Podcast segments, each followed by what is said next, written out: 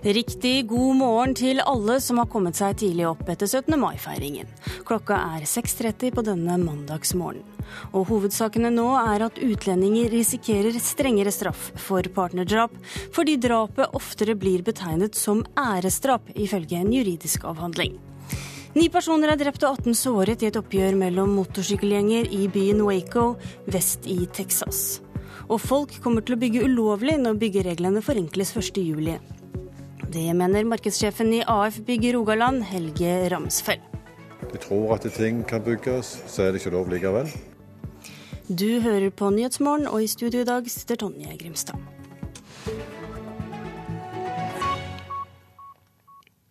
Gjerningsmenn med en annen kulturbakgrunn enn norsk risikerer strengere straff for partnerdrap. Det sier forfatter og jurist Nasim Karim i en juridisk avhandling ved Universitetet i Oslo.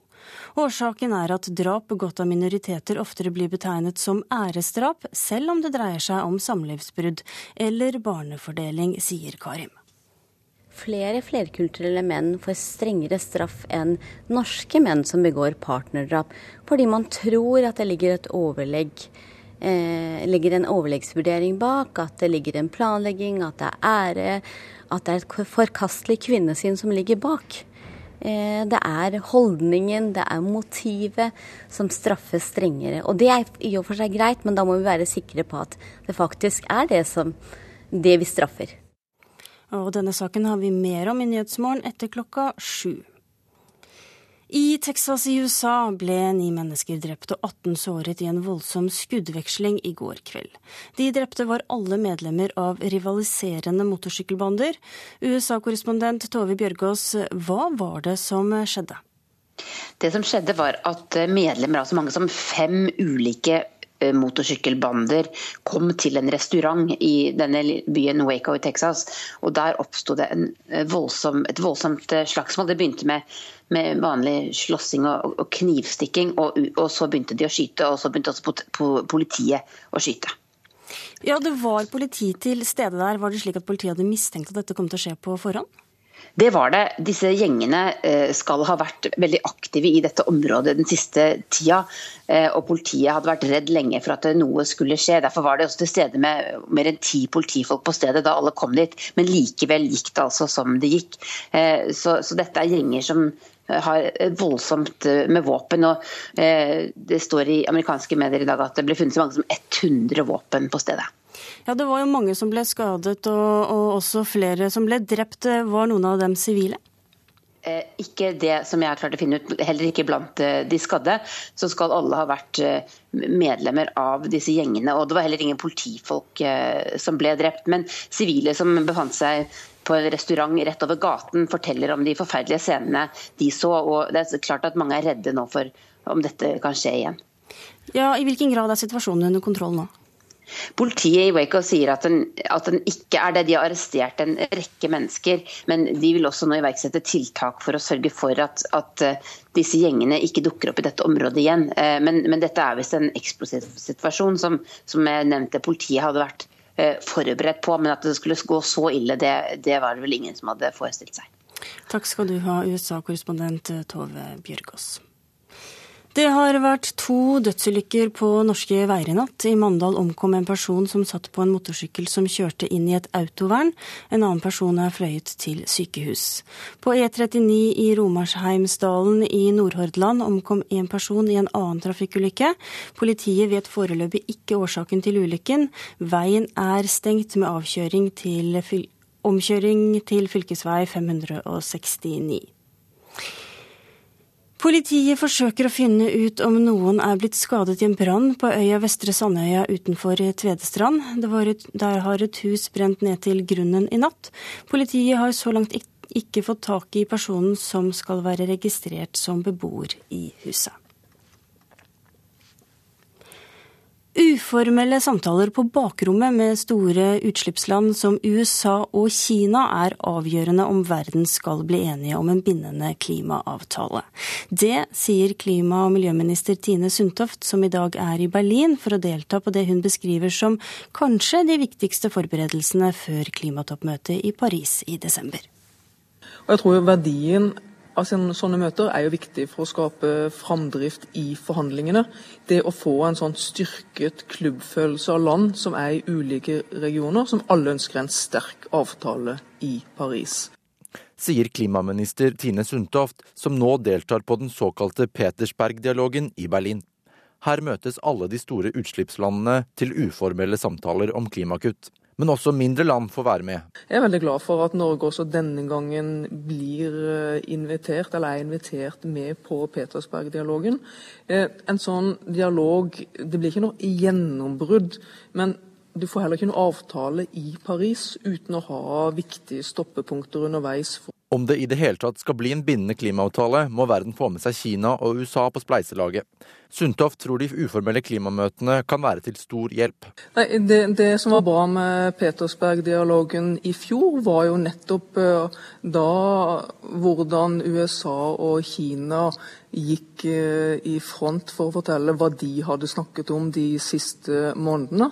Eh, muligheten til å få dem med på en juridisk bindende avtale er nok eh, ikke eh, like stor som det at de går i front ved å si at de skal redusere utslippene. Men det er spennende å høre også om det kommer noen nye signaler fra USA og Kina senere i dag. Men man skal være litt forsiktig med å tro at, at den typen forhandlinger kan erstatte eller komme kom istedenfor de brede, eh, legitime og mer demokratiske forhandlingene som, som føres i eh, FN-regi. Det sier Bård Lahn, forfatter av boka 'Klimaspillet' om de internasjonale klimaforhandlingene. Han mener slike uformelle møter kan bidra mye i riktig retning, men at det er vel så viktig å lytte til organisasjoner og de som faktisk rammes av klimaendringer.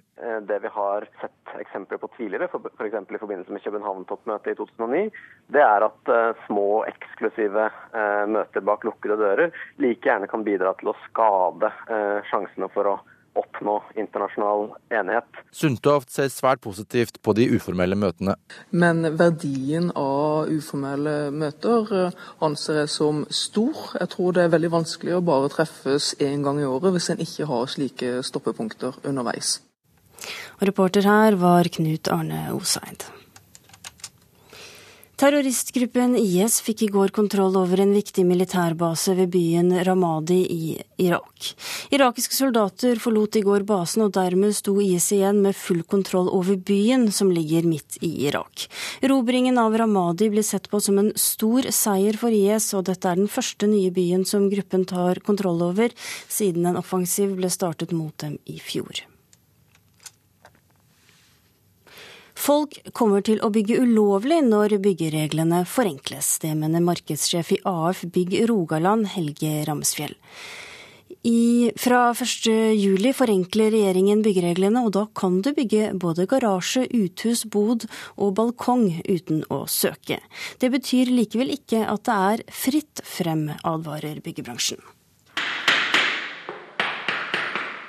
Har du tenkt å bygge ny garasje, ei bod eller kanskje en balkong, kan du glede deg over at byggereglene blir forenkla fra 1.7. Snart kan du bygge mer uten å sende byggesøknad eller nabovarsel. Enklere og mindre byråkrati, ifølge regjeringa. Men livet for garasje- og balkongbyggerne blir ikke nødvendigvis så mye enklere, ifølge byggebransjen. Helge Ramsfjell er markedssjef i AF Bygg Rogaland, og sier regelendringene byr på mange utfordringer. Du får jo utfordringer med naboer, du får jo utfordringer med at gjerne folk bygger mer enn de egentlig skulle ha bygd lovlig. Folk har ikke kontroll på reguleringsplaner. De tror at ting kan bygges, så er det ikke lov likevel. Ramsfjell tror ikke hverdagen blir bedre med det nye regelverket. Han syns det bare er greit at det tar litt eh, tid å behandle byggesaker i dag, og at noen passer på. Han minner også om at byggekravene gjelder som før etter 1.7. Jeg tror ikke det er så enkelt som de vil eh, ha det til. Det er jo visse krav som du må forholde deg til. at Du kan ikke bygge mer enn så mange kvadrat, og du kan ikke bygge nærmere nabogrensen. Du kan ikke bygge nærmere byggelinjer. Så det, det er jo mye å forholde seg til uansett. Ja, burde det regelverket heller vært sånn som det var? Ja, det tror jeg. Også daglig leder i byggefirmaet Jærmester, Rolf Skrettingland, ber folk passe på når de nye reglene trer i kraft. Folk må passe på litt sjøl, at de har lov å bygge det, de, det, det som det er lov til å bygge på tomta. Klarer folk å håndtere dette her sjøl? Jeg tror det. Får håpe det. Hva er det da viktig å passe på? Nei, At, at utnyttelsesgraden av tomtene At de er lov å bygge noe, og at de er den rette avstanden til grenser. Sånn. Det, det, det er det viktigste. Kommunene og styresmaktene jobber nå med å gjøre informasjon tilgjengelig for folk som skal bygge med det forenkla regelverket. Byggesakssjef i Sandnes kommune, Mette Brox, påpeker at det er du som setter i gang bygginga, som er ansvarlig for at det skjer i tråd med gjeldende lover og kommuneplaner. Det viktigste er jo at de søker informasjon og sjekker ut reguleringsbestemmelser. Da har vi kommet et langt stykke på veien.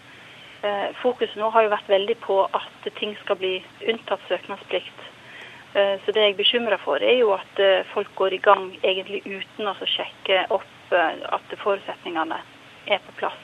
Folk sjøl må, må, se seg inn i dette. Skal de bygge, så må de se seg inn i, i de reglene som er. Så de må se, gjøre litt sjøl òg. Folk sjøl må, må, gjøre litt sjøl òg. Altså. Og reporter her var Magnus Stokka. Nå skal vi ta en titt på avisforsidene. Makan, sier skipsreder Elisabeth Grieg på forsiden av Dagens Næringsliv i dag. Hun reagerer på at Telenor ikke valgte en kvinnelig toppsjef. Og fortsatt er det ingen kvinnelige toppsjefer i de store selskapene som har staten på eiersiden. Norge renner over av farlig søppel, det advares det om i Klassekampen. Om sju år har vi ikke lenger noen steder å deponere giftig avfall, og Miljødirektoratet mener mer avfall må sendes ut av landet. Vi må helt tilbake til 2013 for å finne sist gang vi var så pessimistiske om jobbutsiktene. Tusenvis av jobber forsvinner og arbeidsledigheten sprer seg til flere bransjer, skriver Dagbladet. Snart kommer en tredel av all tysk strøm fra sol og vind. Tyskland er Europas spydspiss i grønn omlegging, skriver Aftenposten. VG skriver om terroristekteparet som forlot Fredrikstad for Syria. Han ble drept som IS-kriger, mens hun skal ha gjennomført et selvmordsangrep.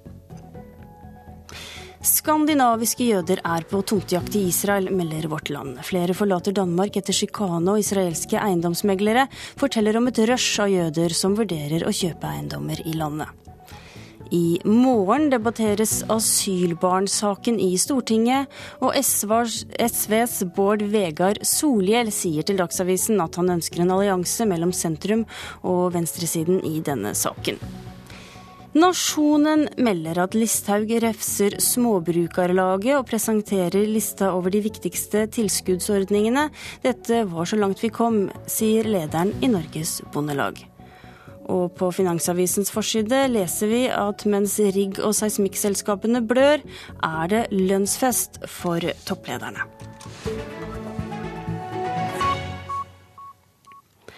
Even Pellerud er skuffet over nivået i kvinnenes øverste fotballserie. Landslagssjefen mener altfor mange kamper mangler både tempo og intensitet. Jeg syns nivået i toppserien så langt i år har vært veldig varierende. Det har vært mange kamper som har hatt eh, lavt tempo og lite trøkk. Pellerud skulle gjerne sett flere kamper med høyere nivå enn de han har sett i de åtte første rundene. Ja, jeg har sett mange kamper som skuffer i år. Ikke minst dette med forflytningsevne og press på ballfører og fart og, og intensitet i spillet. Det har manglet i veldig mange lag. Håper det kommer seg nå. I kveld spilles den niende serierunden. Foreløpig skiller kun åtte poeng de seks øverste lagene. Nå er det alle slår alle, alle kan slå alle. og Det blir mye tettere og tettere. Trine Rønning spiller på Stabæk og landslaget. Nå hadde man jo utspilla seg at denne eh, sesongen av toppserien skulle bli liksom enda mer eh, større skille fra topp- og midtsjiktet, men eh, nå henger midtsjiktet med i toppen, og sånn som Stabæk nå spiller nesten om kvalikplass nederst på tabellen og Klepp eh, kommer på medaljer øverst. Heller ikke NRKs fotballekspert Lise Klavenes er imponert over toppserien så langt. Det har ikke vært en, en skuffende start rent sånn uh, underholdningsmessig. Det er enkelte lag som ikke har levert opp på det nivået man forventer seg. Kanskje særlig eh, Stabæk, da, som, som uh, tidligere har vartet opp med veldig fin fotball, fin angrepsfotball, har vært eh, tamme. og Lillestrøm har vært bra i enkeltkamper, men ikke hatt det toppnivået som vi kanskje så de i fjor. Og reporter her var Tommy Barstein.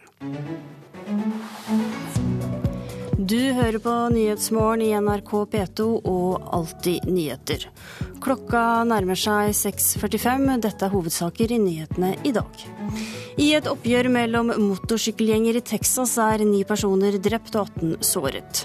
Snart kan du bygge garasje og balkong uten å søke, men det er likevel ikke fritt fram, advarer byggebransjen.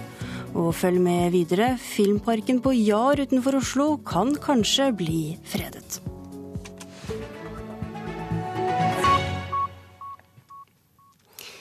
Ti år etter at Finnmarksloven ble vedtatt, kommer nå de første rettssakene om hvem som egentlig skal eie grunnen i fylket. Et bygdelag i Nesseby kommune i Øst-Finnmark er blant de første til å kreve eneretten i sitt nærområde. Kritikerne mener kravet vil splitte kommunen. Konflikten står om et rikt område med mange naturressurser. Vi har jo en stor lakseelv her, Bergbyelva, og så en del fiskevann, spesielt Bergbyvannet der oppe. Og så er det jo selvfølgelig ryper og, og, og multer og sånne ressurser, da. Gunn-Britt Retter leder bygdelaget i Nesseby i Øst-Finnmark. I området hun beskriver her, har bygdefolk høstet av naturen i århundrer. Det er jo et rikt område, har jo alltid vært et rikt ressursområde. Dermed har de opparbeidet bruksrettigheter, men bygdelaget vil ha mer. De vil ha eksklusive rettigheter, i praksis eie området. Det er den samiske kampen for rettigheter som ligger bak det som nå skjer i Finnmark. Alta-aksjonen fra 1979 ga støtet til Samerettsutvalget, som endte med Finnmarksloven for ti år siden. Da mistet Statskog sine eiendommer. 96% av fylket blir overdratt til den nye finnmarkseiendommen Fefo, som er styrt av samer og andre finnmarkinger. Men bygdelaget mener de styrer bedre selv. Det leddet som, som forvalter det her, bør være nærmere eh, lokalbefolkninga, som, som eh, da kan se hvor ressursene er, hvilke eh, områder som kanskje må beskyttes for fiskevann eh, eller rypeområder. Sånn at man har, kan ta i bruk den lokalkunnskapen folk har, og legge den til grunn mer enn det vi mener Fefo som et mer regionalt ledd klarer i dag. Bygdelaget blir et av de første som tar sitt krav til Utmarksdomstolen for Finnmark. Den er spesielt opprettet nå, nettopp for å avklare rettighetsforhold. Jeg tror ikke det er så veldig mange som stiller seg bak det kravet. Mitt inntrykk er at det er veldig mange som er, er negativ, og til dels sterkt negativ til det, det kravet. Pensjonisten Torbjørn Bjørkli bor i det omstridte området. Han vil få alle fordeler hvis bygda hans får eneretten til naturen. Men han vil ikke ha den. Han vil heller at alle i Finnmark skal kunne bruke naturen i fellesskap, slik de har gjort til nå. Det jeg frykter, det er jo at det vil danne presedens, sånn at alle bygdelag rundt i Finnmark vil kunne få de samme rettighetene. Jeg har ikke lyst til å bli møtt med krav om spesielle fiskekort eller jaktkort på de forskjellige stedene i Finnmark. Det Bjørkli frykter, er det bygdelaget håper. De vil gjerne vise vei i kampen for rettigheter. Og vi har jo også blitt kontakta av bygdelag både i Tana og i Karasjok og, og i Kautokeino kommune, flere bygdelag. Så, så, jeg tror jo at, eller håper at det vil danne en, en presedens og sette en standard for eh, ja, hva lokalbefolkningens eh, rettigheter skal være. Bygdelaget omfatter kanskje en fjerdedel av innbyggerne i kommunen.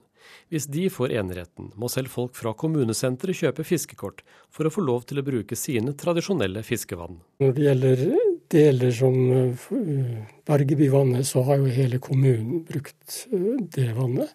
Det har jo vært regna som spiskammerset for kommunen.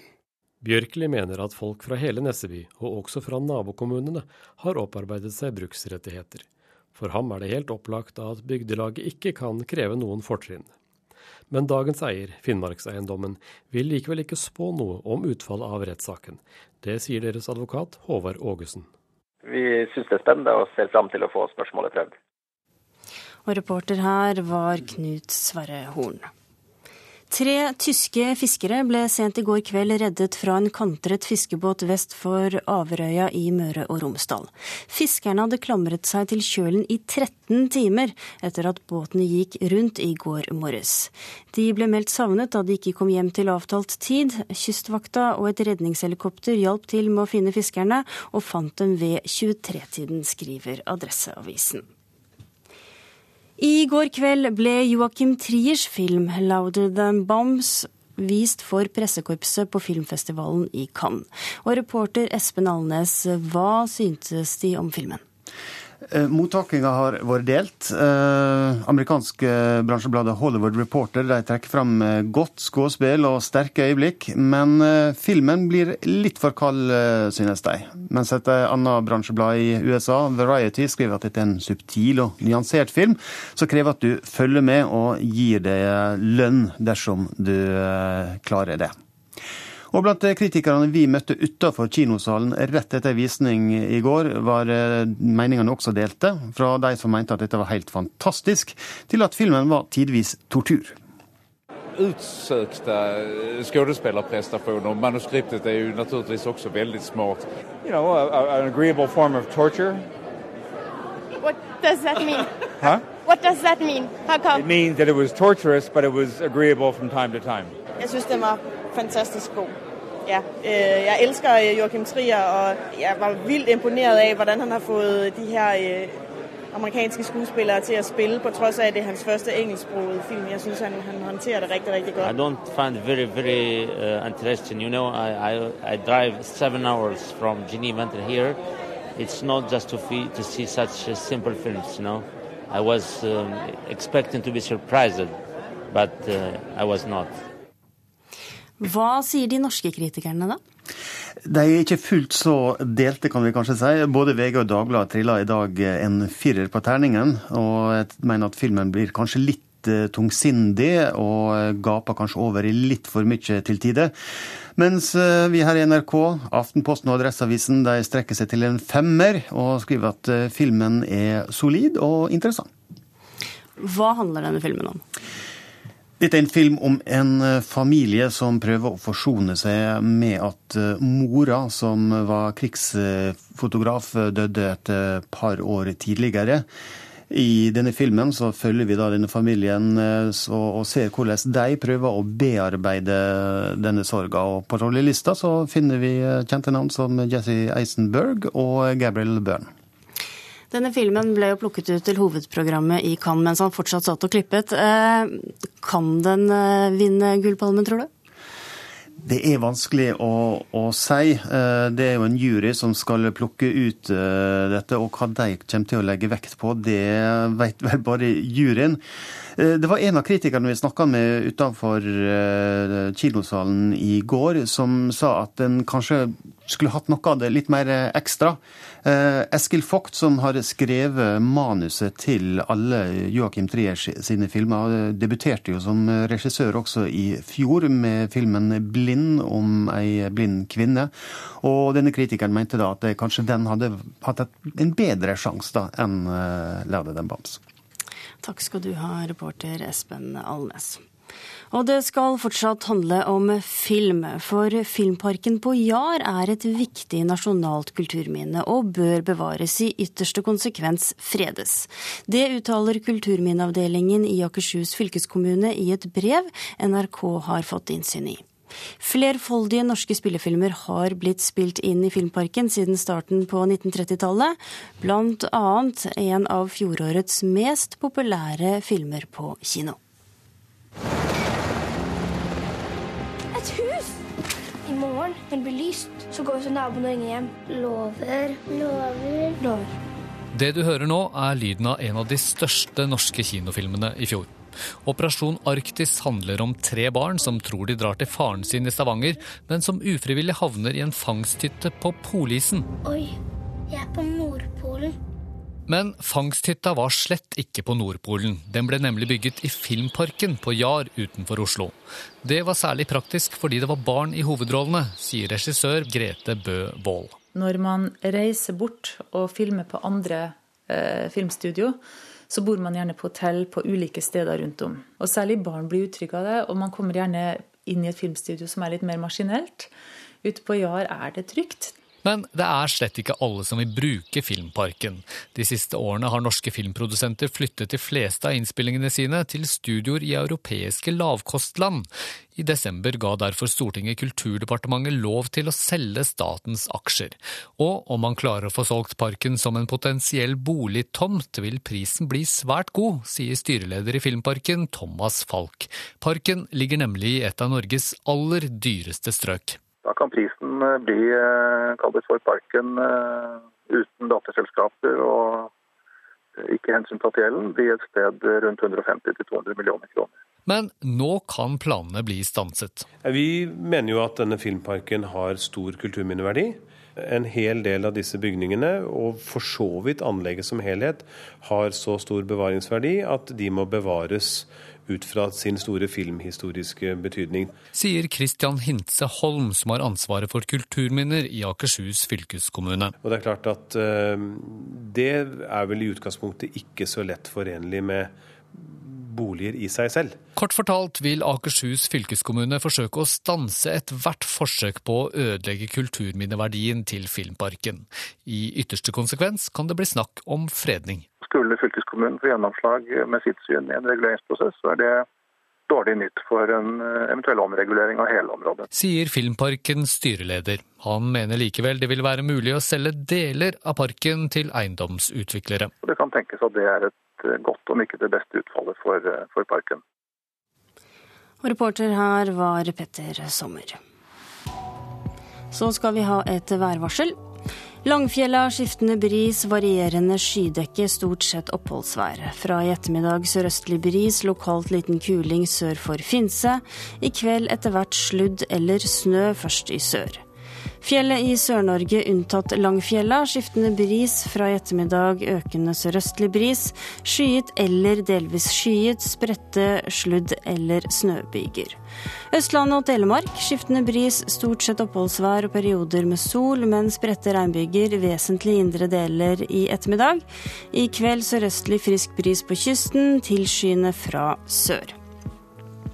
Agder skiftende bris, oppholdsvær og periode med sol. Fra i ettermiddag sørøstlig frisk bris på kysten. Liten kuling vest for Lindesnes. Etter hvert regn i sør, i kveld også i nord. Rogaland økning til sørøst liten kuling utsatte steder. Etter hvert stiv kuling. Først i sør, i kveld frisk bris. Stort sett oppholdsvær. Fra sent i ettermiddag regn, først i sørlige del. Hordaland sørøst frisk bris utsatte steder, stort sett oppholdsvær og gløtt av sol. I ettermiddag økning til sørøst, liten kuling utsatte steder, og i kveld litt regn, først i sør. Sogn og Fjordane skiftende bris. Frisk bris utsatte steder fra i ettermiddag nordøstlig frisk bris ved Stad. Stort sett opphold og til dels pent vær. Møre og Romsdal og Trøndelag skiftende bris fra i ettermiddag nordøst frisk bris på kysten. Til dels pent vær, men utrygt for spredte regnbyger vesentlig i ettermiddag. Nordland skiftende bris. Stort sett oppholdsvær og lange perioder med sol, men mulighet for spredte regnbyger, særlig i ettermiddag. Troms rolige vindforhold, til dels pent vær, men kan hende enkelte lokale regnbyger i ettermiddag. Finnmark østlig bris, periodevis frisk bris på kysten. I vest til dels pent vær, i øst for det meste skyet, og mulighet for regn av og til. Nordensjøland på Spitsbergen. Rolige vindforhold, skiftende skydekke og oppholdsvær. Og så en eh, temperaturoversikt klokken så tidlig som klokken fem i dag. Svalbard lufthavn minus to grader. Kirkenes én grad. Vardø tre grader. Alta én grad. Tromsø-Langnes fem grader. Bodø seks grader. Brønnøysund tre grader. Trondheim-Værnes tre grader. Molde tre grader. Bergen-Flesland fem grader. Stavanger fire grader. Kristiansand-Kjevik fem grader. Gardermoen tre grader. Lillehammer tre grader. Og Røros har null grader. Og Oslo-Blindern fire grader.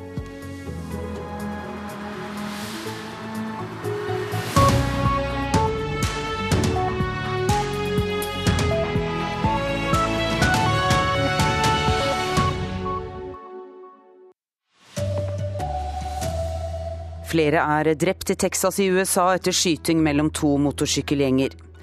Det har vært to dødsulykker på norske veier i natt. Her er NRK Dagsnytt, klokka er sju. I Texas i USA ble ni mennesker drept og 18 såret i skuddveksling i går kveld. De drepte var alle medlemmer av rivaliserende motorsykkelgjenger. USA-korrespondent Tove Bjørgaas sier at politiet hadde vært på stedet tidligere på kvelden, men at de ikke greide å forhindre sammenstøtet. Sivile som befant seg på en restaurant rett over gaten, forteller om de forferdelige scenene de så. og Det er klart at mange er redde nå for om dette kan skje igjen. Ja, I hvilken grad er situasjonen under kontroll nå? Politiet i Waco sier at den, at den, ikke er det. De har arrestert en rekke mennesker, men de vil også nå iverksette tiltak for å sørge for at, at eh, disse gjengene ikke dukker opp i dette området igjen. Eh, men, men dette er visst en eksplosiv situasjon som, som jeg nevnte politiet hadde vært forberedt på. Men at det skulle gå så ille, det, det var det vel ingen som hadde forestilt seg. Intervjuer var Tonje Grimstad. Det har vært eh, to dødsulykker på norske veier i natt. I Mandal omkom en person som satt på en motorsykkel som kjørte inn i et autovern. En person eh, omkom i en trafikkulykke i natt på Europavei 39 i Romarheimsdalen i Hordaland. Veien er stengt og politiet er på stedet, men kan foreløpig si lite om hva som eh, har skjedd, sier operasjonsleder ved Hordaland politidistrikt, Terje Magnussen. Ambulanse og politiet er sendt til stedet, og vi fikk etter hvert bekreftet at eh, den ene personen som var involvert i var omkommet. På bakgrunn av dette så er veien stengt, og politiet gjør sine undersøkelser eh, på E39 der oppe nå. Dere sier at to biler var involvert. Vet man noe om hvordan selve ulykken skjedde? Nei, det har vi eh, ingen som helst opplysninger om ennå. Det er to biler involvert og en, en død hjort i området der. Så vi har ikke fått eh, undersøkt nok til at vi kan gå ut med hva som har skjedd. Intervjuer var Geir Bjarte Jetland. Terrorgruppa IS har tatt kontroll over Ramadi i Irak, og irakiske soldater har flyktet fra byen. Det sier sikkerhetskilder til BBC. Samtidig ber Iraks statsminister hæren bli værende i provinshovedstaden. Rundt 500 mennesker, både sivile og soldater, er blitt drept i Ramadi de siste dagene. Til tross for måneder med luftangrep mot IS under amerikansk ledelse, sliter irakiske myndigheter med å få kontroll på IS i dette området tar også med at en amerikansk soldat omkom da helikopteret han satt i styrtet på en militærbase i Hawaii i går. Det bekrefter det amerikanske forsvaret. I tillegg er 21 andre soldater sendt til sykehus etter ulykken. NRK Dagsnytt, Kari Ørstavik. Nyhetsmorgen fortsetter i P2 og Alltid nyheter med disse sakene. Menn med minoritetsbakgrunn risikerer strengere straff for partnerdrap, viser avhandling. Hva kommer det av, spør vi i Nyhetsmorgen. Norske apper topper nå salgslistene verden over, og fire av fem russ angrer ikke på pengene de brukte i russetida, selv om noen av dem brukte rundt 100 000 kroner. Du hører på Nyhetsmorgen med Tonje Grimstad i studio. Gjerningsmenn med en annen kulturell bakgrunn enn norsk risikerer strengere straff for partnerdrap. Det er konklusjonen i en juridisk avhandling skrevet av Nasim Karim ved Universitetet i Oslo. Hun mener årsaken er at drap begått av minoriteter ofte blir betegnet som æresdrap, selv om det dreier seg om samlivsbrudd eller barnefordeling drap hvor flerkulturelle menn er involvert, så antar domstolene at det er æresdrap. Eh, og det mener jeg er feil. Eh, alle drap begått av flerkulturelle menn er ikke æresdrap. Forfatter og jurist Nasim Karim har studert 112 partnerdrapssaker fra de siste 30 årene for å finne ut hvilken betydning gjerningsmannens bakgrunn har for straffeutmålingen. Hun fant at i alle saker hvor straffen er utmålt til mer enn 16 års fengsel, er saker hvor retten har antatt at ære er motivet. Derfor mener hun at menn med en annen kulturell bakgrunn enn norsk i større grad blir straffet for motivet enn for selve handlingen. Fordi man tror at det ligger et overlegg. Eh, ligger en overleggsvurdering bak, at det ligger en planlegging, at det er ære at det er et forkastelig kvinnesyn som ligger bak. Problemstillingen er interessant, sier forsvarsadvokat Harald Stabel, som ikke kjenner seg helt igjen. Det er selve handlingen. Det er motivet for den, som man vurderer på lik linje med etnisk norske, som må bli avgjørende for hvor høy straffen blir. Han utelukker likevel ikke at det kan finnes dommere som legger mer vekt på de kulturelle motivene enn andre. Det kan være dommere som eh, mener at uh, dette med æresdrap, det er ikke noe vi synes noe om her hjemme. Heller ikke holdninger til kvinner. Uh, men det i seg selv kan ikke underbygge og forsvare en høyere straff. Men Nasim Karim mener gjerningsmannens antatte holdning spiller en viktig rolle i utmålingen av straff. Det er holdningen, det er motivet som straffes strengere. Og det er i og for seg greit, men da må vi være sikre på at det faktisk er det som det vi straffer. Stabel mener forklaringen på forskjellene i straffeutmåling likevel må ligge i selve handlingen som er begått. Det må være fordi handlingene er mer eh, groteske og uforståelige eh, i sitt innhold enn det vi da er vant til når det gjelder eh, etnisk norske. reporter her var Kristine Næss Larsen. Vi har nå med oss deg, Jon Kapellerud, lagdommer i Frostating lagmannsrett og medlem av dommernes mediegruppe. God morgen. God morgen. Hva kan være årsakene til at menn med minoritetsbakgrunn straffes strengere enn etnisk norske menn som har tatt livet av partneren? Ja, For det første vil jeg si at i norske domstoler så verken antar vi eller tror, sånn som eh, forfatteren her, her sa. Vi foretar en konkret vurdering av hver enkelt sak, enten det gjelder en med minoritetsbakgrunn eller eller andre. Og vi har eh, regler, rettslige regler for hvordan eh, bevisvurderinger skal foretas.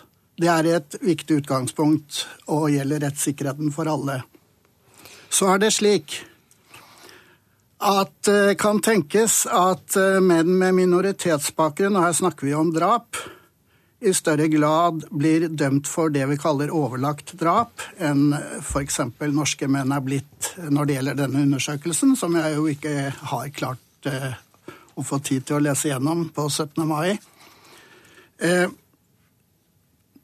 det er jo slik at ved overlagt drap så skal man ha tid til å overveie og ha overveid, og på denne bakgrunn eh, gjennomført eh, drapet. Og det kan muligens i større grad knyttes opp til det man kaller æresdrap, som jeg kan si noe nærmere om etterpå. Men eh, hvis vi da regner med at, eh, at, ikke alt dette er æresdrap, eller hvis vi, hvis vi, tenker at det kan være likheter i hvorfor menn med en annen etnisitet og norske menn dreper Eh, kvinner de er eller har vært i et forhold til. Er det grunn til å tro da at det er andre ting som påvirker straffeutmålingen enn eh, det om hvitt drapet er planlagt? Altså, det, det, viktige det er karakteren av drapet, altså om det er overlagt eller forsettlig. Forsettlig, da er det villet, men det kan godt være impulsivt og gjort i affekt. Mens overlegget, som jeg sier, det er overveid, og det er på den bakgrunnen man gjennomfører. Ja, jeg skjønner det. Men er det noen andre ting ved drapene? Kan, er det det at de er mer bestialske? Kan ja, det er det, det er det, jeg skulle komme til nå. Og, og, det andre er gjennomføringen. Det jeg vil kalle den objektive grovheten ved drapene. Og det kan gjelde brutaliteten ved gjennomføringen og de lidelsene som offeret er utsatt for før, før hun da, som det vanligvis er, eh, er død. Men Det er altså handlingen mm. vi, vi, tar utgangspunkt i og vurderer. Det er ikke slik at man slutter fra begrepet æresdrap, som kan brukes eh, litt uheldig, og fram til at noe er planlagt eller er overlagt. Man går den motsatte veien, og i så fall så kommer man til en konklusjon om at dette kan ha vært et æresdrap. Men er det grunn til å frykte at eh, det også kan være fordommer i domstolene mot menn med en annen etnisitet? Ja, Vi prøver jo å unngå dette her, da. Og har jo også ganske mye opplæring etter hvert i slike spørsmål.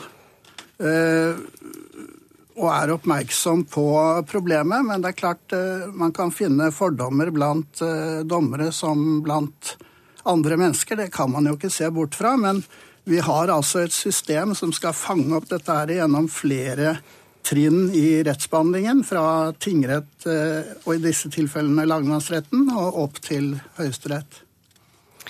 Takk skal du ha, Jon Kapellerud, lagdommer i Frostating lagmannsrett og medlem av dommernes mediegruppe. Norske apper er for øyeblikket blant verdens mest populære. En norsk nettleser og et læringsspill er blant applikasjonene som nå har fått flere titalls millioner brukere. Selskapene bak tror vi bare har sett begynnelsen på suksessen. Hvis du går inn i en uh, appstore uh, her, her ligger de mest nedlastede. Så ser du at vi er i, i topp ti på de fleste appstorene bortover her. Sier produktdirektør Andreas Torsheim i Opera Software. Apper er små dataprogrammer til smarttelefoner og nettbrett. Og på få uker har Norske Operas siste nettleser blitt lastet ned i rekordfart i nettbutikkene til Apple og Android. Vi er eh, nummer tre i India, nummer to i Sør-Afrika og Indonesia. Eh, vi er i topp tre også i Nigeria, i Kenya, i Ghana, i Kuwait, i Ukraina, Bangladesh. Det er eh, rundt to dusin land i, i Afrika, Sørøst-Asia, Øst-Europa hvor vi gjør det fantastisk bra for tiden. En annen av verdens mest populære apper akkurat nå er også norsk. Vi er en av de som trender på Android sin eh, app-butikker.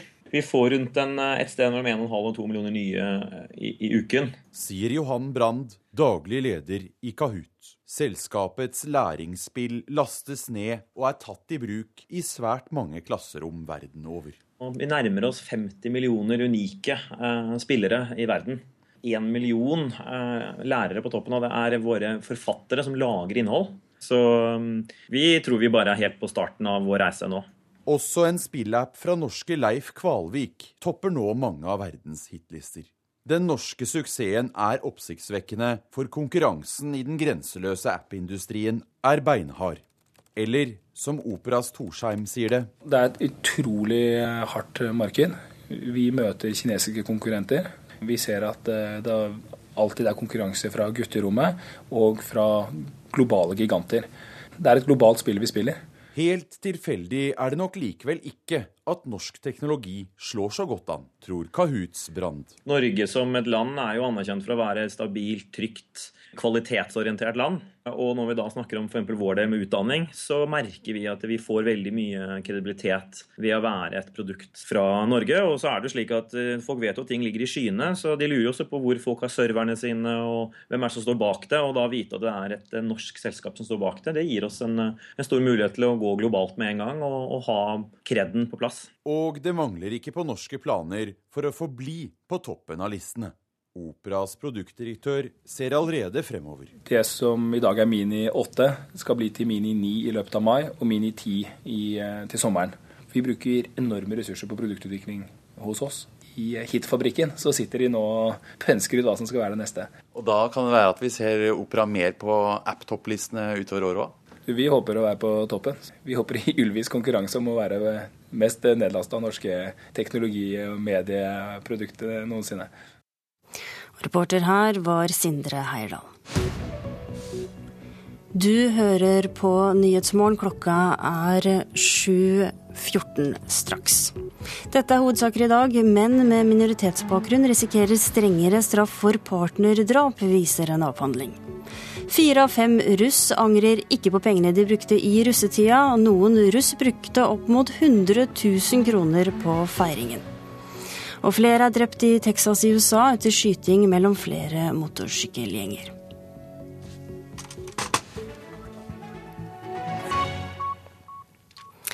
Nå skal vi snakke om utenrikspolitikk og et stadig tilbakevendende tema, nemlig forholdet mellom Russland og Vesten. Dette blir også et sentralt tema når NRKs korrespondenter samles i Oslo denne uken til sin årlige samling. Og Derfor har vi fått med oss deg, Moskva-korrespondent Morten Jentoft, inn i studio. Og USA-korrespondent Tove Bjørgaas, du er med på Skype. Eh, og dere skal gi oss en oversikt over den siste utviklingen mellom vår store nabo i øst og resten av den vestlige verden. Og Morten Jentoft, vi starter med deg. Nylig satt utenriksministre fra USA og Russland i Sotsji og nærmest kurret. Er det en ny utvikling vi ser? Det er klart i alle fall et uh, lite steg at den amerikanske utenriksministeren John Kerry ikke bare møter sin russiske kollega Sergej Lavrov, men også uh, Russlands president Vladimir Putin på uh, russisk jord. I går så kom den amerikanske vi skal kalle henne vise utenriksministeren, altså statssekretær i det amerikanske utenriksdepartementet Victoria Nuland, til Moskva. Og derifra, Hun kom direkte fra møter i Kiev, den ukrainske hovedstaden. Og det er tydelig det at at eh, eh, russerne i alle fall her har lykkes med å få amerikanerne på banen i Ukraina-krisen. Og det har jo vært et mål fra eh, russisk side i lang tid. Man mener jo der at det er amerikanerne som har styrt det som har skjedd i Ukraina. Det var de som sto bak det som skjedde på Maidan. og dette, denne maktovertakelsen. Den tidligere lovlig valgte presidenten Viktor Janukovitsj ble jaget fra makten. Så man mener jo Man har jo brukt en kraftig retorikk fra eh, russisk side og sagt at det er amerikanerne, det er Obama som er skyld i konflikten i Ukraina. Nå har altså russerne lykkes å få amerikanerne mer på banen. Eh, tidligere har jo EU måttet ta hovedstøyten når det gjelder eh, forhandlinger om Ukraina. Sånn at på den måten der så kan man jo si det at kanskje russerne her har lykkes i alle fall med å dra amerikanerne mer inn i muligheten for å få til en løsning på konflikten i Ukraina. Ja, Jentoft, vi må bare stille deg et spørsmål til om det. For eh, Vladimir Putin har bl.a. sagt at Russland vurderte å bruke atomvåpen under konflikten på Krim. Hvordan vil du beskrive den retorikken russerne bruker? Ja, Nå sa han vel ikke akkurat det, da, men han sa i alle fall det at man satte, eh, skulle vurdert å sette atomvåpnene i alarmberedskap. Nå er jo det også en slags floskel, for de må jo være i en slags alarmberedskap hele tiden. Men bare det at han bruker ordet, snakker om atomvåpen, har jo sendt eh, skjelvinger ned over ryggen på mange.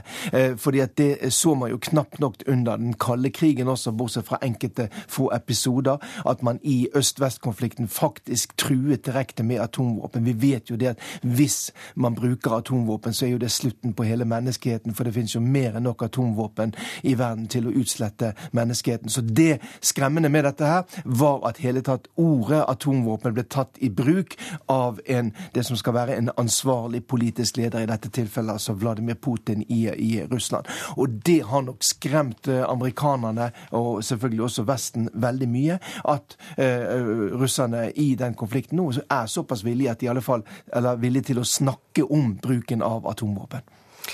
Tove Bjørgaas, eh, det er vel kanskje ikke bare Russland som bruker en aggressiv retorikk? Nei, det har vært en, en voldsom eh, veldig haukete, kan vi kanskje kalle det for, eh, opptreden fra de ledende kreftene på amerikansk side også, helt siden konflikten i, i Ukraina utartet for over et år siden. Eh, både Victoria Newland, som Morten Jentoft eh, nevner her, og eh, Philip Breedlove, som er Natos øverstkommanderende i Europa, har, mener mange, overdrevet det Russland driver på med inne i Ukraina, og brukt voldsom altså, det, det, I mange tilfeller overdrevet antall russiske styrker som skal være der, hva slags materiell som er inne i Ukraina. brukt helt andre ord enn det, det EU har gjort. Og, og, For amerikanerne så er det jo alltid et lett eh, fiendebilde å vende tilbake til dette med, med Russland. Man, man, I Kongressen sitter det mange som også var politikere under den kalde krigen. og Det er også veldig lett å på en måte få vann på mølla når man snakker om Russland som en veldig stor og viktig fiende. Så det er mulig at denne uh, altså at de har på en måte skjønt at de har gått litt for langt i denne retorikken. Altså at det er et tegn på det som skjer nå. At man ikke må hause opp konflikten altfor mye, også i forhold til, til EU, som jo har hatt en annen tone i forhold til Ukraina. Ja, Du er inne på det, Bjørgaas. Er dette et avansert politisk balansespill, hvor mye fiender og venner man skal være? Det kan kanskje virke sånn nå, fordi for, for eksempel for et par måneder siden, i mars, så, så ble det som jeg nevnte, ytret veldig sterke ord fra bl.a. Philip Breedlove. Og bl.a. Angela Merkel har vært veldig opprørt over det og mener at USA har ødelagt for denne våpenhvileavtalen i Ukraina og for forsøkene på å få til en diplomatisk løsning. Det er en løsning som både president Obama og John Kerry sier at USA ønsker. Og USA har heller aldri vært villig til å legge bort sine, sine ønsker eller sin vurdering av at de er villige til å bevæpne ukrainske styrker med amerikanske våpen. Jentoft, er en del av problemet mellom USA og Russland også en kulturforskjell i kommunikasjon?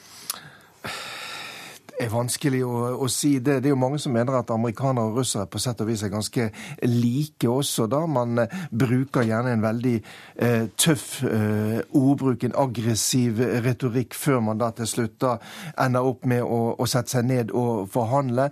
Eh, eh det var jo en, en, en, en, allmenn slags sannhet da under den kalde krigen også at eh, faktisk de sovjetiske lederne den gangen lettere forholdt seg til tøffe republikker republikanske eh, eh, amerikanske politikere, eh, som Ronald Reagan f.eks., for da, fordi at man mente at det var lettere. Det var den måten man skulle drive eh, forhandlinger på mellom tøffe mannfolk med tøff ordbruk. Det er da man kommer fram til et, eh, et slags eh, resultat her, da.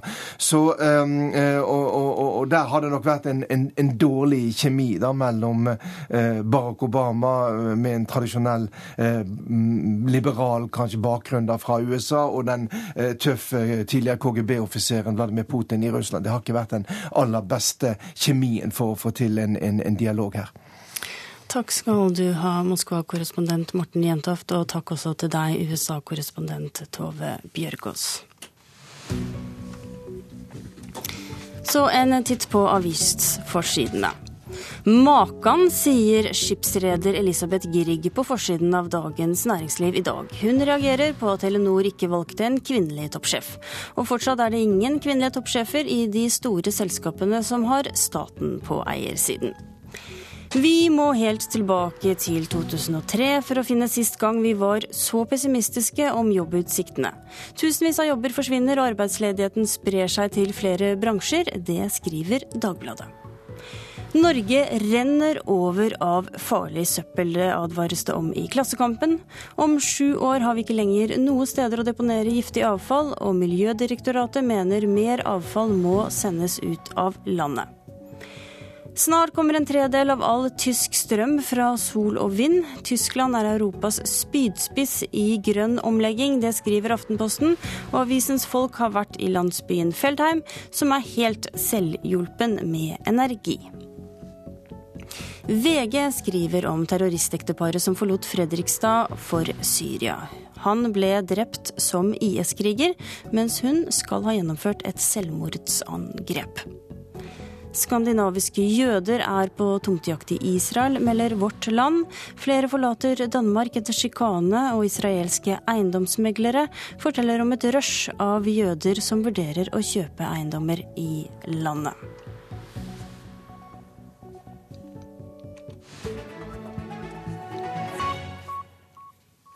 Fire av fem russ angrer ikke på alle pengene de brukte i russetida. Det viser en undersøkelse utført av Ipsos MMI for DNB. Noen russ bruker opp mot 100 000 kroner på feiringen. Vi har fått trukket om setene av et selskap. Eh, veggene er malt av en profesjonell. Og anlegget, det er ikke noen tvil om at det er utrolig bra. Og vi har brukt mye penger på det òg, fordi vi føler det gjør litt av rullinga at man har et bra anlegg. da. Jentene i Drammensbussen Women of Marvel har svidd av 1,4 millioner kroner på årets russefeiring. De færreste unge under 30 år angrer på pengebruken, viser en ny undersøkelse.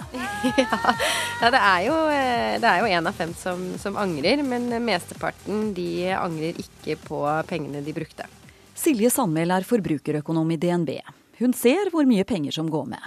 Av de som jeg har snakket med, og jeg møter jo veldig mange unge siden jeg er ute i skolen, så er det ikke unormalt å bruke fra 10 til 30 000. Men, eh, men, eh, de verste eksemplene, som, som, jeg også dessverre ofte hører, er, eh, er over 100 000. Så der burde de angre? Ja, når du, når du svir av så mye penger, så, så, tenker jeg at det er i, i overkant for, for, fest og moro for en måte. måned. Sindre Bronstad var bussjef for bussen Hollywood i fjor. Vi var 26 gutter på bussen. Nei, Vi hadde jo fullt UV inni bussen, så hele bussen den lyste jo av seg selv. Vi hadde et anlegg som de bruker på topp tre utesteder i USA som heter Functional One. Så det var eh, veldig bra. I tillegg hadde gutta fått en egen maler fra USA til å komme og dekorere bussen innvendig. Og prisen? Vi brukte til sammen 1,4 millioner på hele bussen. Eh, så det blei jo nok penger. Det gjorde det. Vi endte opp på 30 000 hver. Og Hvilke tanker er det du gjør deg om eh, de pengene i dag? Det er, det er russ en gang i livet, så det var en morsom periode. Og jeg kan ikke si at jeg angrer. Men var det verdt det? ja, det vil jeg si. Det var absolutt verdt det. Jeg kan skjønne at folk syns det er galskap å bruke så mye på en russebuss, men det er mye penger som vi ikke hadde fått om vi ikke hadde dannet russebussen. Vi hadde ikke gått sammen 22 jenter og solgt doruller for å kjøpe oss en leilighet i næreste fremtid. Det forteller Silje Løseth i nettserien om russebussen Women of Marvel på NRK. Forbrukerøkonomen er redd for at noen kan komme til å kjenne på den sure svien. Om et år eller to så, så skal du flytte hjemmefra. Du skal kanskje til utlandet og studere, du skal ta lappen. Det er veldig mange utgifter som står og venter rett utenfor døren. Og hvis man ikke vet om disse utgiftene, så kan det hende at man eh, angrer fordi at man skulle hatt egenkapitalen eller eh, skulle ønske at man kunne dratt eh, til utlandet. Men til syvende og sist så, så angrer de ikke fordi at de føler at det var, det var gøy, da. Hadde du gjort det igjen? Nei, det hadde jeg ikke gjort. Det hadde jeg absolutt ikke gjort. Jeg har gjort det én gang, og det holder. Jeg tror nok eh, mange vil føle at det har eh, vært en fantastisk russetid, og at det har vært eh, verdt det. Men det er jo synd hvis man i etterkant nå skal komme i en økonomisk bakrus. Det sa forbrukerøkonom Silje Sandmæl til reporter Karoline Bekkelund Hauge. Små bilder av smileansikter og tommelen opp, kjent som emoji-symboler, brukes mye i tekstmeldinger og på sosiale medier, både av barn og voksne. Nå har lærerstudenter ved Høgskolen i Buskerud og Vestfold tatt de japanske bildene inn i klasserommet til barneskoleelever. Så hvis jeg skriver til bestemor eller noe sånt, og hun har iPhone, så skriver jeg sånn hjerte og sånt, da. Mm. Istedenfor sånn eh, en som får latterkrampe og sånt. Ja. Fordi det er litt sånn litt for yngre folk. Ja. Femteklassinger ved Eik skole i Tønsberg er godt kjent med mobilbruk. Lærerstudenter ved høyskolen har tatt emojiene med inn i kunst- og håndverkstimene til elever mellom første og sjuende klasse i praksis. De har fått i oppdrag å tegne emojier, lage bøker av emojier og lage egne emojier. Mange mener symbolene ødelegger språket, men lærerstudent Turid Bakos har erfart at elever med lese- og skrivevansker kan dra nytte av denne måten å kommunisere på. Jeg var også borti elever som hadde trøbbel med skriving og lesing. Og det å se hvordan de plutselig fikk en arena å, å, formidle på, det var en sånn befriende følelse, tror jeg. Plutselig så var det sånn at de også hadde noe å komme med. Hva betyr den her, da? Den smeiletegnet her med sånn munn? Veldig glad. Nei. Nei. Det er litt, sånn litt, litt skrivefeil, f.eks. Ja, litt sånn usikker. Lærerstudent Hanna Kennedy Berg sier at det også finnes ulemper med mobilspråket. Barn og unge da, er så vant til å skrive disse mobilmeldingene, som går på veldig ufullstendig språk, ufullstendige setninger, og benytter seg mye av emojis for å skrive. Og etter å ha snakka med ungdomsskolelærere bl.a., så ser de at de bruker det språket også inn f.eks. når de skriver fortellinger. Så, sånn sett så er jo det en, negativ effekt, da. Kan man bruke for mange smileys? Eh, hvis du bruker altfor mange, så kan det begynne å se litt rart ut. Nå skal studentene presentere prosjektet som en del av sin eksamen, og reporter var Tanita Vassås Kveino. Du lytter til Nyhetsmorgen. I reportasjen etter Dagsnytt kan du høre om rohingyaene i Myanmar. De er forfulgt, og nå har mange av dem rømt ut på havet. I Politisk kvarter er det jordbruksoppgjøret som er tema i dag. Produsent for Nyhetsmorgen nå var Ingvild Ryssdal, og i studio Tonje Grimstad.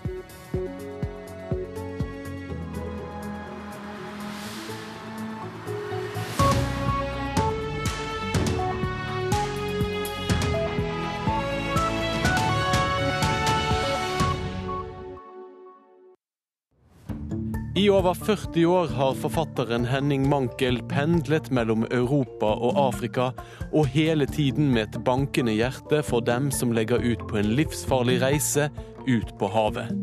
Det vil han snakke om nå. I Kulturhuset i dag klokken 13.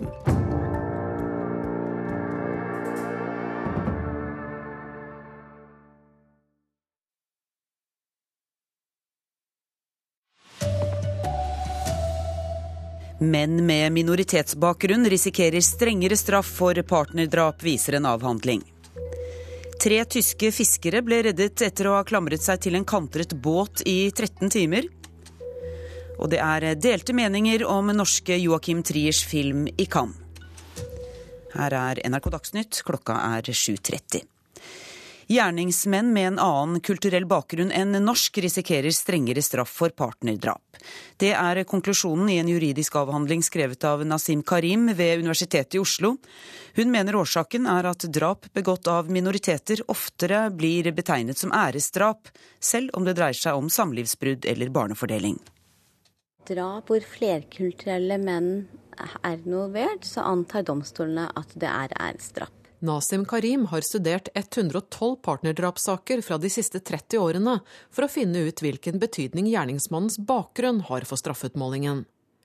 I flere saker der ære antas å ha vært motivet, har straffen vist seg å være strengere. Og det mener jeg er feil. Eh, alle drap begått av flerkulturelle menn er ikke æresdrap. Hun mener menn med en annen kulturell bakgrunn enn norsk i større grad blir straffet for motivet enn for selve handlingen. Problemstillingen er interessant, sier forsvarsadvokat Harald Stabel, som ikke kjenner seg helt igjen. Det er selve handlingen, det er motivet for den, som man vurderer på lik linje med etnisk norske, som må bli avgjørende for hvor høy straffen blir.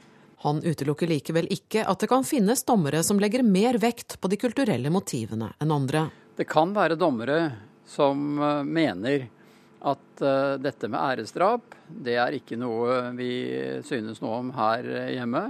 Heller ikke holdninger til kvinner.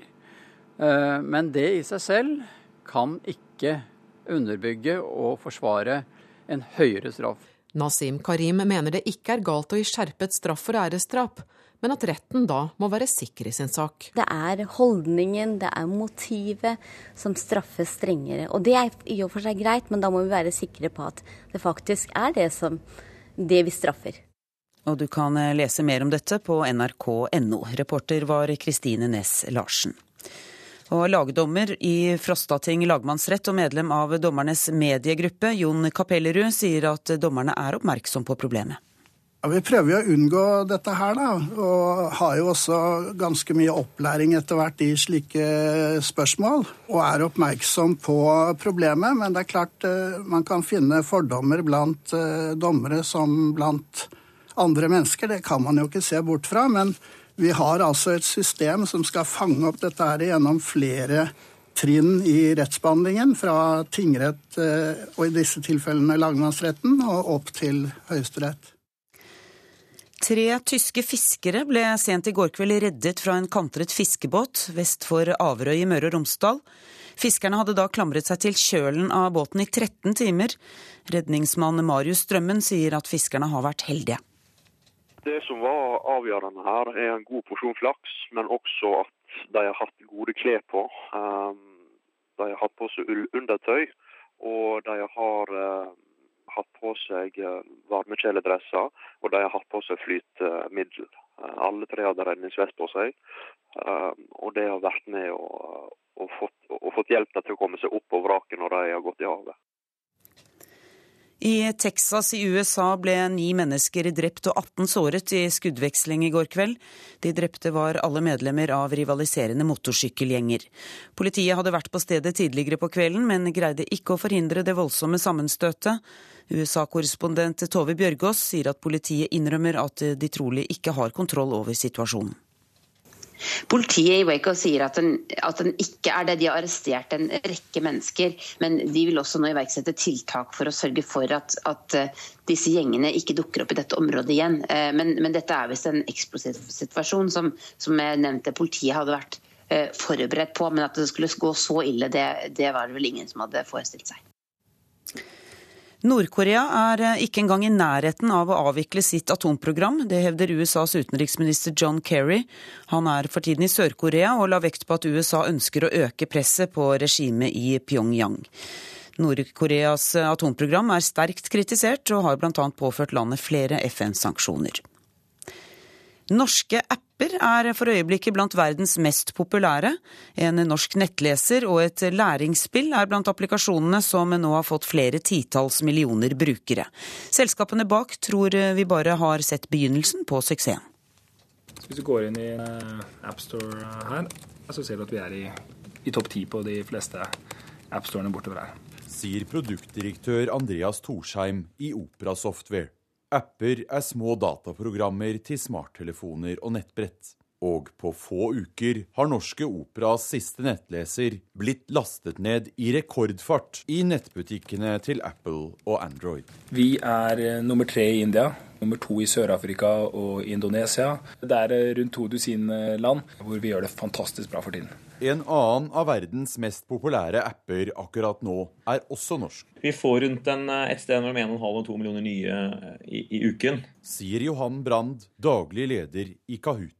Selskapets læringsspill lastes ned og er tatt i bruk i svært mange klasserom verden over. Vi nærmer oss 50 millioner unike spillere i verden. Vi tror vi bare er helt på starten av vår reise nå. Også en spillapp fra norske Leif Kvalvik topper nå mange av verdens hitlister.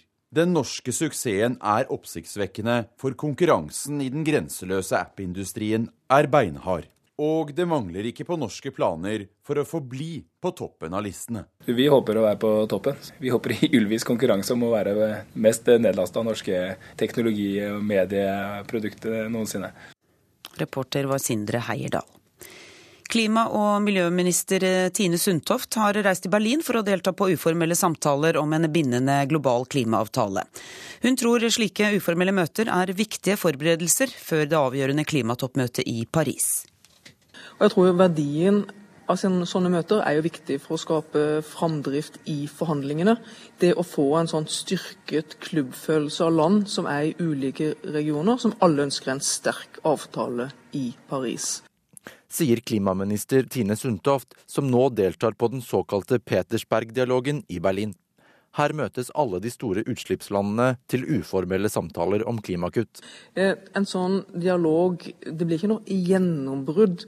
Men du får heller ikke noe avtale i Paris uten å ha viktige stoppepunkter underveis. Men eh, man skal være litt forsiktig med å tro at, eh, at den typen forhandlinger eh, kan erstatte eller eh, komme istedenfor de brede, legitime og mer demokratiske forhandlingene som, som føres i FN-regi. Det sier Bård Lahn, forfatter av boka 'Klimaspillet' om de internasjonale klimaforhandlingene. Han mener slike uformelle møter kan bidra mye i riktig retning, men at det er vel så viktig å lytte til organisasjoner og de som faktisk rammes av klimaendringer. Det vi har sett eksempler på tidligere, f.eks. i forbindelse med København-toppmøtet i 2009, det er at uh, små, eksklusive uh, møter bak lukkede dører like gjerne kan bidra til å skade sjansene for å oppnå internasjonal enighet. Reporter var Knut Arne Oseid. Kritikerne var delte etter pressevisningen av Joachim Triers 'Louder Than Bums' i Cannes i går kveld. Filmen er den første norske spillefilmen på 36 år som er med i hovedprogrammet til filmfestivalen, og som dermed kan vinne Gullpalmen. You know that meeting I had this morning? Well, Richard was there. You, you Richard, don't you? Louder Bombs av Joakim Trier delte kritikerne etter pressevisninga i filmfestivalen i Cannes i går kveld. Maria Mansson i Danmarks Radio var en av de som var nøyde. Jeg syns den var fantastisk god.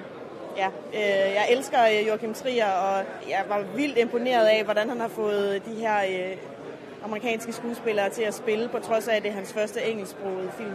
Jan Jeffrey Wells fra Hollywood Elsewhere mente filmen om hvordan en familie takler bortgangen til en mor som var krigsfotograf, var tidvis tortur. You know,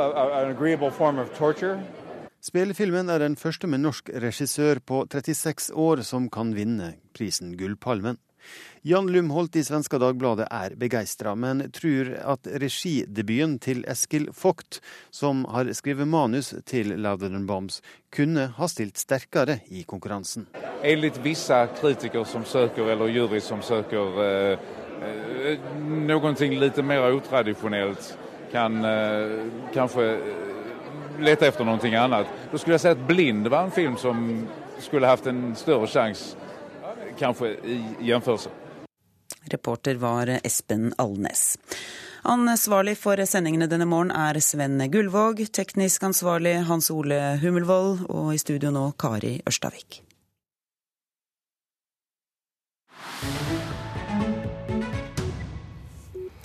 Og nå fortsetter Nyhetsmorgen, og vi skal høre om rohingyaene i Myanmar. De er forfulgt og blir ikke akseptert av noe land. Nå har de rømt ut på havet, men Thailand vil ikke berge dem. Hva har de gjort galt? Vår reporter Anette Groth har sett på deres skjebne.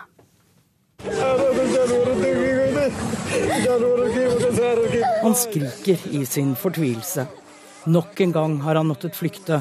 Nok en gang blitt avvist. Han tilhører rohingya-folket, folket som ingen vil ha. Det statsløse muslimske rohingya-folket som regner Rakhine-staten i Myanmar som sitt hjemland. Der bor det 800 000 av dem, kanskje flere. Mange i leirer de ikke får slippe ut fra. Rohingya-folkets skjebne får internasjonal oppmerksomhet, som her i TV-kanalen Al Jazeera. They're stateless, impoverished, and victims of ongoing human rights abuses. But how much do you know about the Rohingya of Myanmar? De er fattige, statsløse og undertrykte. Et av verdens mest forfulgte folk, ifølge FN. De hører ikke hjemme i Myanmar, sier president Tein Sein. Som fra å være leder for de militære som har regjert landet siden 1962, har blitt en slags halvt sivil president som har åpnet for noe demokratisering. Men demokratisering har ikke hjulpet rohingyaene, som blir nektet burmesisk statsborgerskap.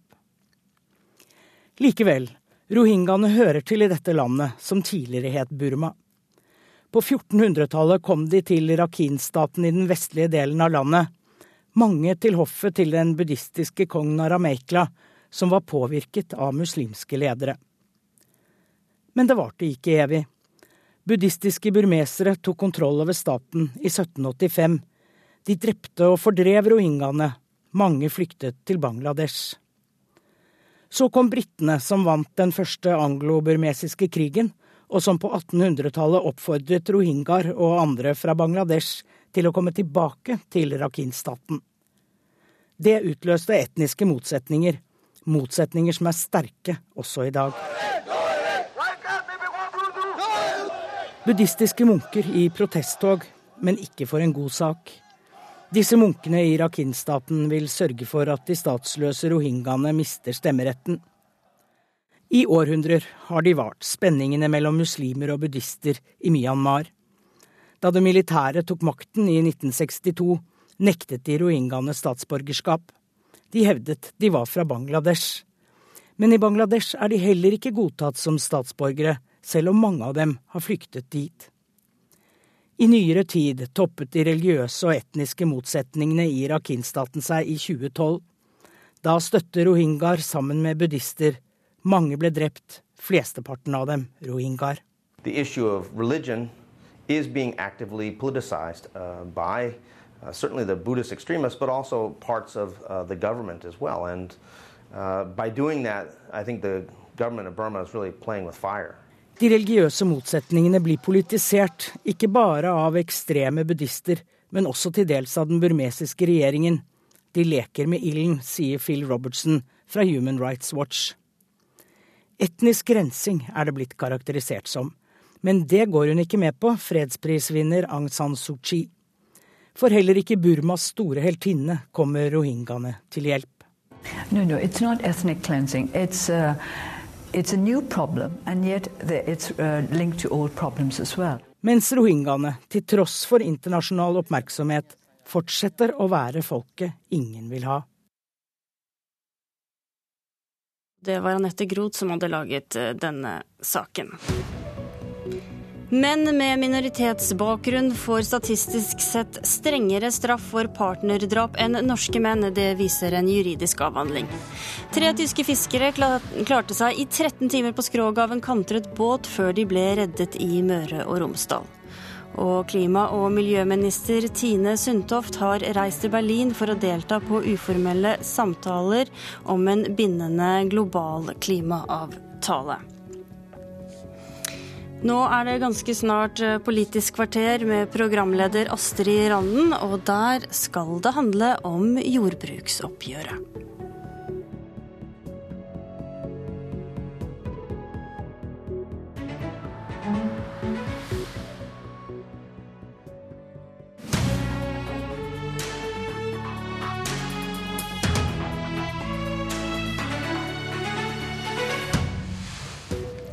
Hvem skulle trodd vi fikk et jordbruksoppgjør som fører til auka matvarepriser, og som gjør bøndene til inntektsvinnere med Frp i regjering. Vi liker den nye Listhaug, sier Arbeiderpartiet. God morgen, det er mandag og du hører på Politisk kvarter. Ja, landbruksminister Sylvi Listhaug, det var en gang et framstegsparti som kutta i overføringene til bøndene med 7 milliarder, og som ville kutte i tollen. På pressekonferansen på fredag kveld så virka du nøyd med å få til ei avtale og et oppgjør som gjør bøndene til årets vinnere i lønnsoppgjøret, og som gjør maten dyrere. Hva skjedde?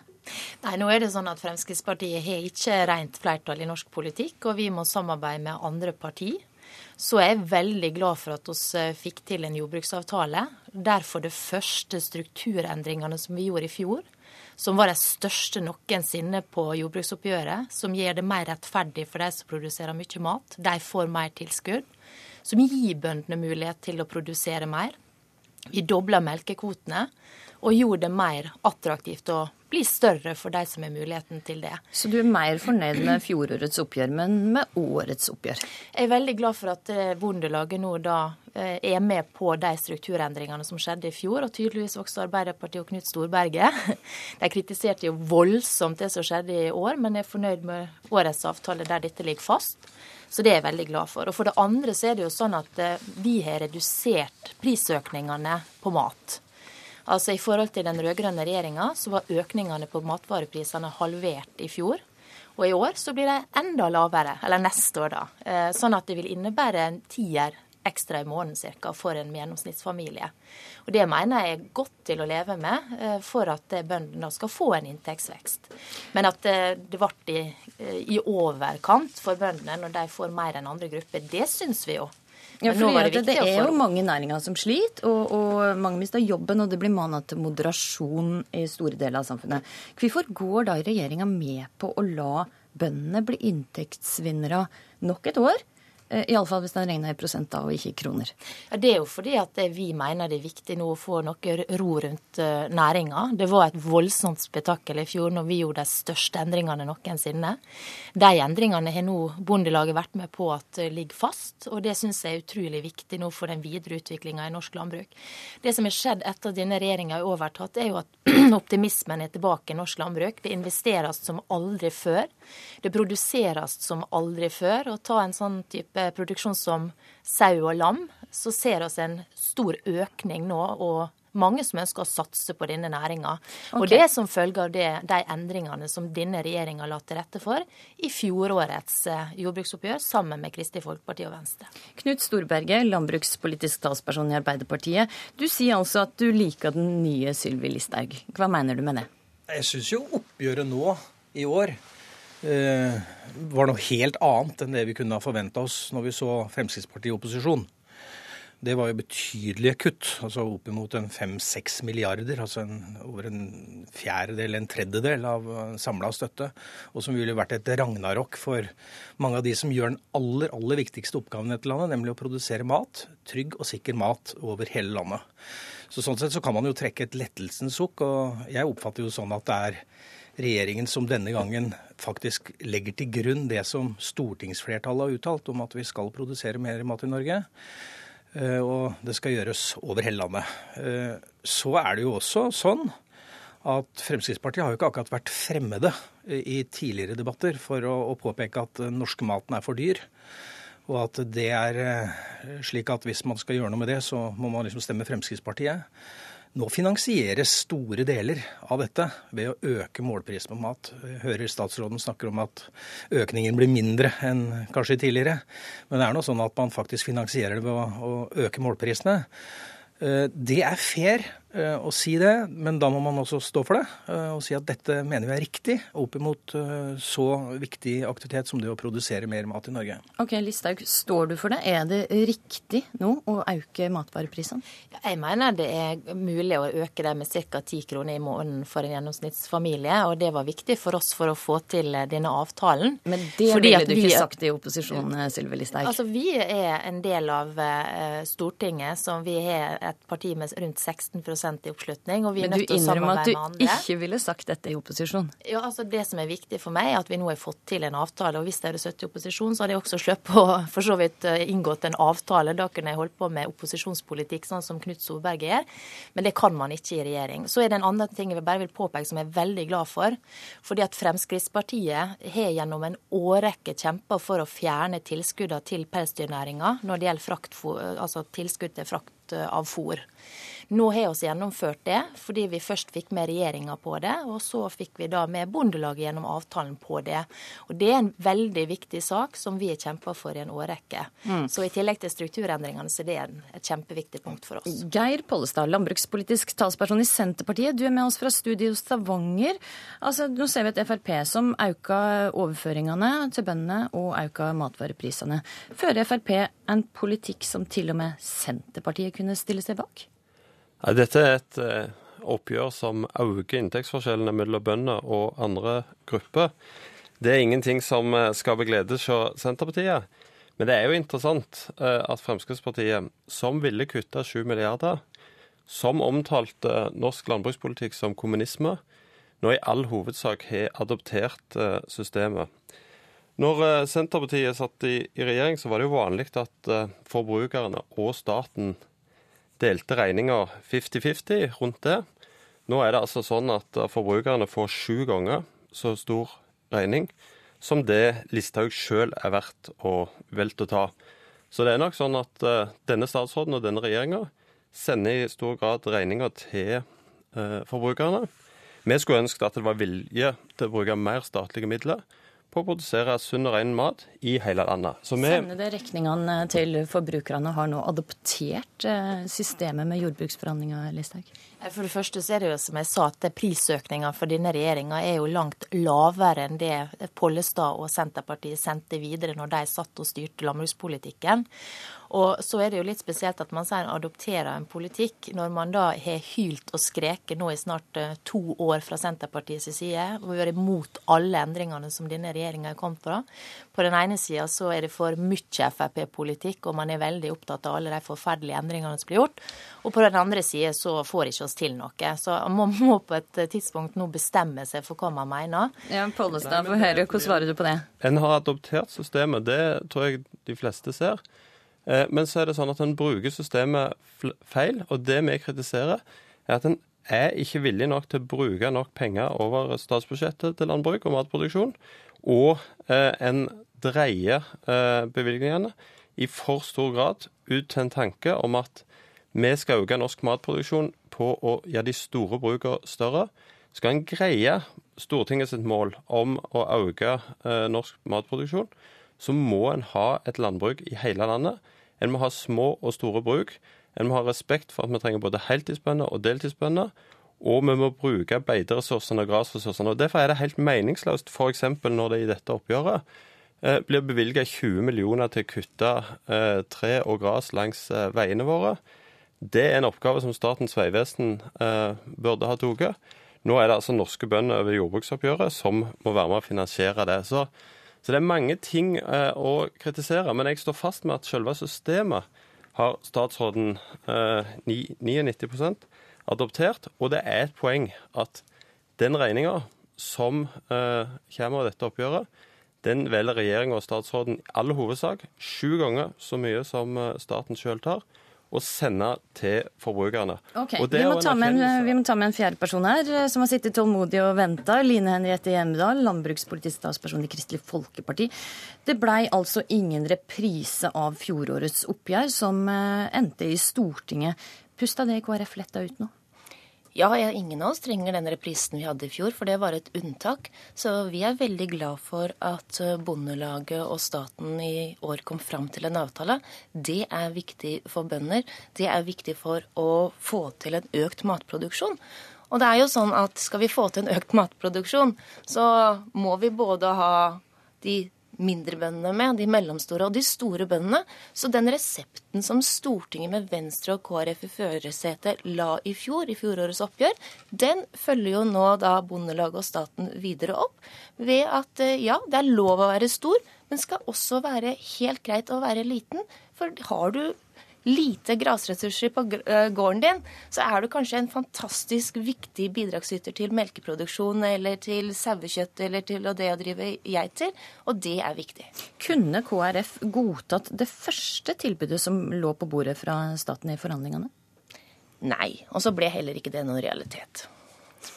Listhaug, du gikk altså til et uvanlig skritt å legge fram et nytt og bedre tilbud midt i forhandlingene. Visste du, når du la fram det første tilbudet, eh, at, det, at det, dette ikke hadde noe flertall i Stortinget? Jeg har ikke lyst til å gå inn på hvilken forhandlingstaktikk vi la oss på, men annet enn å si det at vi var interessert i å få til en avtale denne gangen. Det lykkes vi med, men og det, det er jeg veldig glad for. Men det lå litt kort at bøndene måtte få det samme som andre grupper prosentmessig demonstrerte La de ikke frem det første tilbudet bare for å demonstrere egen politikk? Nei, men vi ønsker da å få til reelle, gode forhandlinger, og det fikk vi også til. Eh, og så kom vi til et punkt i forhandlingene der det var naturlig for oss å legge fram et nytt tilbud, som da kunne gi ny giv i forhandlingene, noe det også da gjorde. Og vi kom til slutt eh, til en avtale. Pollestad, du har eh, sagt at Listhaug valgte å overkjøre seg sjøl. Hva mener du med det? Nei, Det var helt åpenbart at uh, det første tilbudet ikke kunne føre fram. Uh, jeg vil tippe at inne på forhandlingsrommet så lå det an til et brudd. Uh, og da ville regjeringa få den samme banken i Stortinget som det en fikk i fjor.